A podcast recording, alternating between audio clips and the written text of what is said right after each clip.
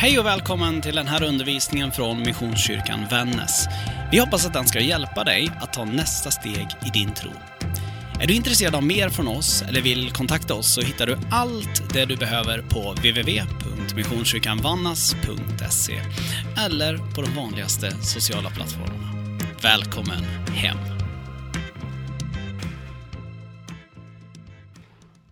För någon vecka sedan då fick jag en sån här riktigt viktigt uppvaknande. Jag eh, satt i eh, fikarummet, jag är ju en del utav min, utav min tjänst, är jag ju skolpastor på Liljaskolan.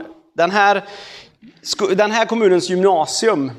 Det är vi alla kyrkor gemensamt som bär den där tjänsten. Och jag satt i fikarummet ihop med kuratorerna, skolsköterskorna, elevhälsan helt enkelt. Och så berätt, var det en av dem som helt plötsligt slängde ur sig en sak till mig. Och det är, Johan, det är ett ord som du använder som jag inte begriper. Jag fattar inte vad det betyder. Och jag blev lite så här, jaha, vilket då? Frimodig. Och så blev det en diskussion kring det där bordet. Och så var det en av dem som berättade, som var, ja, vad kan han vara? Han är faktiskt 65 inser jag nu, är han. Som sa, jag har nog inte hört det uttrycket sen min liksom farmor och farfar typ. Det är inte ett ord man hör längre. Och så tänkte jag, vadå, är inte det typ ett av världens vanligaste ord eller? Jag använder ju det hela tiden. Det där fick mig att fundera lite för jag insåg ordet frimodig, här snackar vi tydligt idag, klassisk kyrklig lingo. Det är ett ord som när jag börjar rota i det inser att Svenska Akademin själva säger att det här är ett väldigt gammalt ord som inte används i vardagligt tal längre.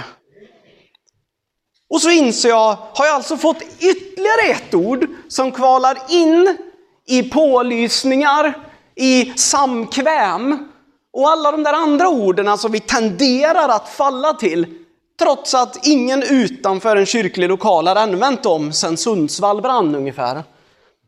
Och så funderar jag på, vad är det att vara frimodig egentligen när jag använder ord som människor inte ens förstår? Så här skriver aposteln Paulus till församlingen i Filippi. Det är min längtan och mitt hopp att jag inte på något sätt ska stå där med skam, utan att, utan att Kristus nu som alltid ska bli frimodigt förhärligad i min kropp, vare sig jag lever eller dör. Jag ska göra en liten klassisk övning med er idag. Det kommer bli en riktigt klassisk utläggning utav den här texten. Och framförallt utav fyra utav grejerna som nämns. Så gå igenom, vad säger den här enda korta versen egentligen? För jag skulle säga att han på så många vis sammanfattar just vad frimodig är. Okej, okay, vi börjar från början. Det är min längtan och mitt hopp. Kom ihåg just det, längtan och hopp. Att jag inte på något sätt ska stå där med skam. Stå där med skam. Idag så kommer jag inte hålla på och mata fram massa grekiska ord för det, för jag har insett att det, varför ska jag göra det för? Jag, jag, jag, bara tar och berättar att det grekiska ordet är, är ett ord som man kan förstå på lite olika vis. Den vanligaste översättningen det är att, att bli nedtryckt eller att bli utskämd. Viktig betoning här i texten. Jag sa, kom ihåg det här, min längtan och mitt hopp. Alltså, Paulus sätter ett stort hopp. Han hoppas innerligt att han inte ska behöva bli nedtryckt eller utskämd för det här som han säger att frimodighet är. Han garanterar ingenting, han är inte säker. Han säger inte ens, det är min fasta övertygelse. Utan för honom så är det så att jag hoppas innerligt att jag ska klara av att göra det här utan att bli nedtryckt och förlöjligad. Okej, vi fortsätter. Vi kommer sammanfatta det här snart. Utan att Kristus nu som alltid ska bli frimodigt förhärligad. Förhärligad är en översättning av ett ord som jag ska säga, det är inte ofta jag säger det här, men nu får ni höra mig säga det. Jag tycker att det är ett riktigt dåligt uttryck. För ordet som används på alla andra ställen nästan är tillbedd, upphöjd eller ärad. Läser man kort och gott vad Svenska Akademins ordbok säger att förhärligad betyder så är det det här citat då. Framställa som enbart positivt med förbigående av de dåliga sidorna. Absolut, rent i ett logiskt resonemang. Den guden som liksom vi vittnar om, det är en gud som inte, som vi säger är 100% kärlek, 100% god och gör rätt. Men om det är så att, han, att Gud ska förhärligas i dess rätta, rätta mening, då innebär det också att i vårt vittnande om honom så ska inte vi vara ärliga om det här skaver, det här gör ont. Utan då ska vi lyfta fram alla goda egenskaper utan någon liksom utan att på något vis visa på det här är svårt. Häng kvar i den, vi kommer tillbaka till den alldeles strax. Han fortsätter kort med, förhärliga då, i min kropp. Den kommer jag inte säga någonting om nu, det tar jag om en liten, liten, liten, liten stund. Och så avslutas versen med, vare sig jag lever eller dör. Det här är alltså en vers som på något vis sätter en ton av vad är det i grunden att vara frimodig med sin tro. Till att börja med så ska vi säga så här. Jag insåg där jag satt i det där fikarummet och talade med de här lärarna, eller de här elevhälsan, människor som beskriver att de inte har någon tro på det sättet. Det jag insåg, det är att det sista jag är gentemot dem är frimodig. Det är det sista jag är. För om jag inte ens kan tala på ett sätt om min tro så de förstår det, då är inte jag frimodig. Det jag är, det är att prata gott på ett sätt så det kurrar lite gött i mig i så fall. Men det är inte att vara frimodig. Snarare kanske då självförhävande. För den här versen, om jag ska, jag har ägnat mig åt att göra en liten, liten egen översättning. Då skulle jag översätta det att Paulus säger så här. Det är min längtan och mitt stora hopp att jag inte på något vis ska behöva vittna om Kristus på ett sätt så jag får skämmas. Utan att Kristus nu som alltid ska kunna bli lyft fram i ljuset, i sanningen. Genom mina handlingar och mina ord. Oavsett vad livet för med sig.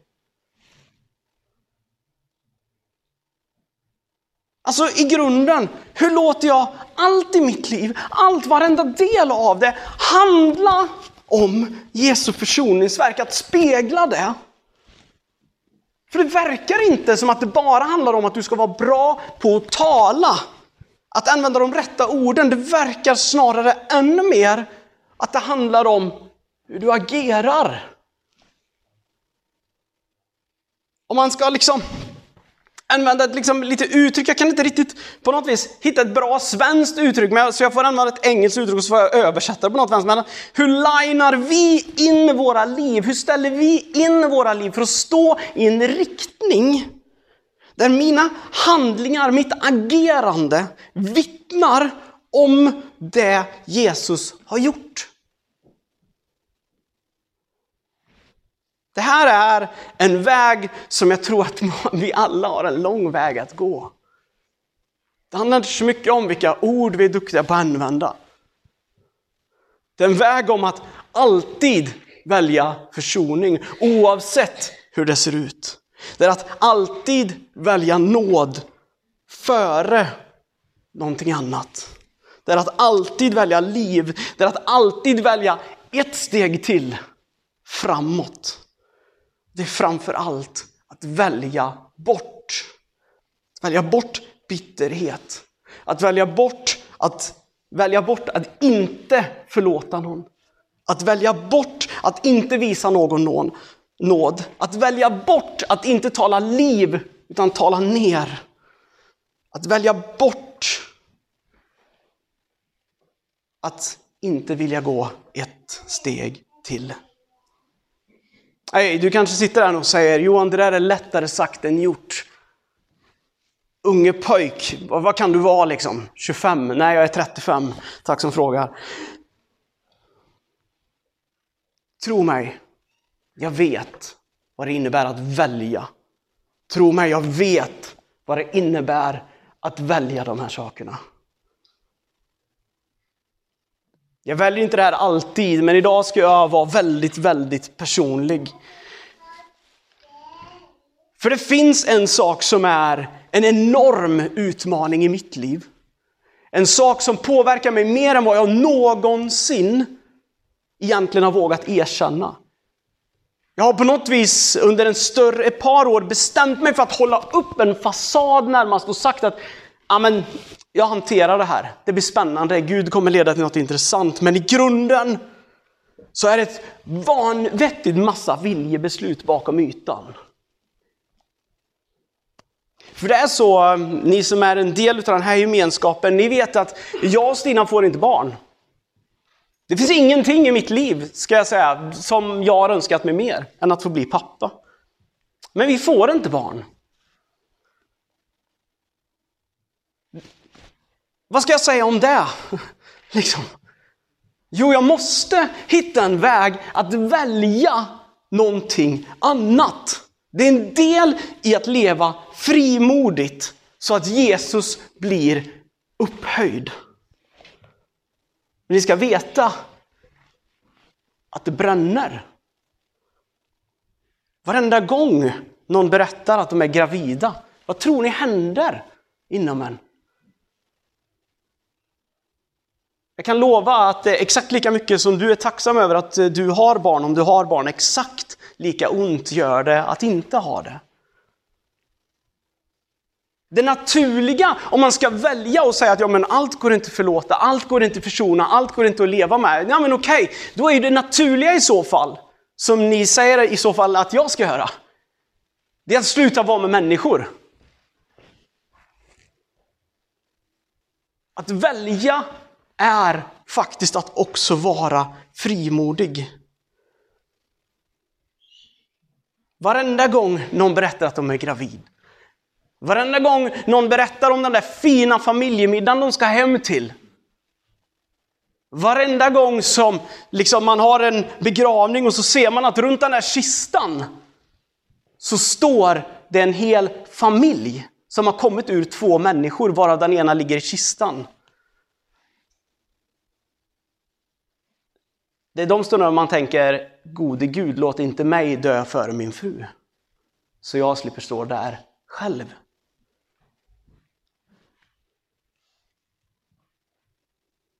Då kan man fråga sig, Johan, det här är, en, det här är liksom en predikan om att vara frimodig kring sin tro, skulle, trodde jag det skulle handla om. Varför berättar du det här? Jo, för att om jag inte skulle berätta det här, då är inte jag ärlig med vad som innefattar mitt liv. Och i grunden så är inte jag ärlig med vad Jesu försoningsverk gör genom mitt liv.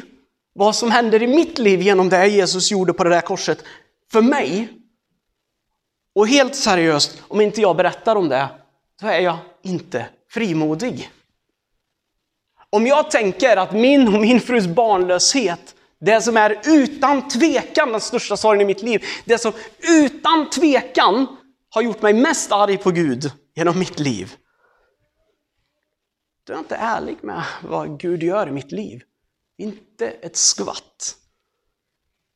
Då är jag som alla andra som bara ler och hoppas att det blir bra.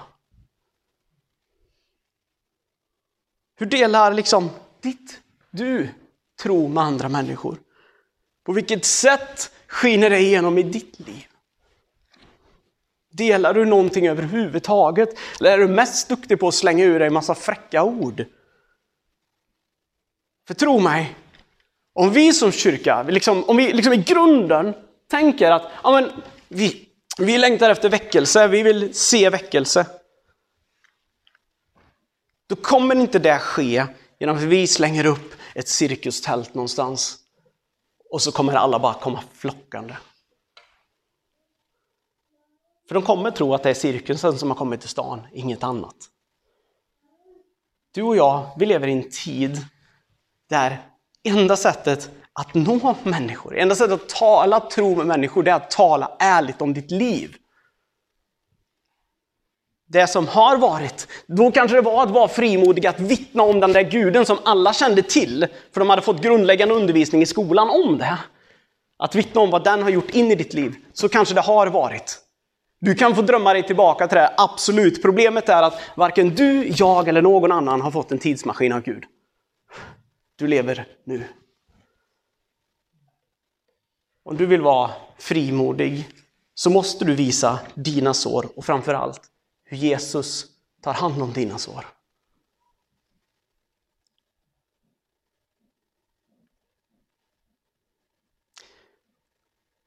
Avslutningsvis så skulle jag vilja komma tillbaka till ett ord där lite i mitten. När Paulus berättar om att det är min längtan och mitt hopp att jag inte på något sätt ska stå där med skam, att jag inte ska bli utskämd. Min övertygelse är om att det enklaste sättet för att du ska undvika det, att inte behöva stå där med skam, att inte behöva skämmas för din tro. Det är att vara ärlig och personlig med vad Jesus har gjort för dig.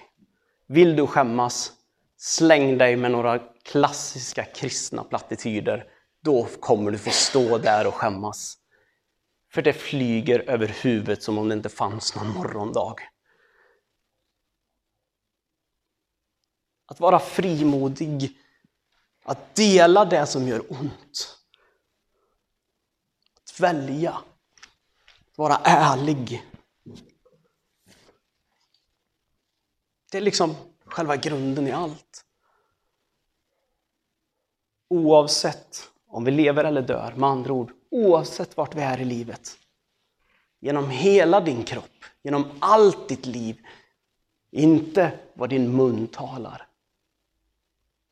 Ni som är föräldrar, ni vet en sak. Och det är att era kids, era barn, de har inte gjort och kommer aldrig någonsin göra vad du säger åt dem. De gör som du gör. Varför tänker vi att det är annorlunda när det handlar om att dela vår tro med andra? Det är för mig en gåta. Låt oss be.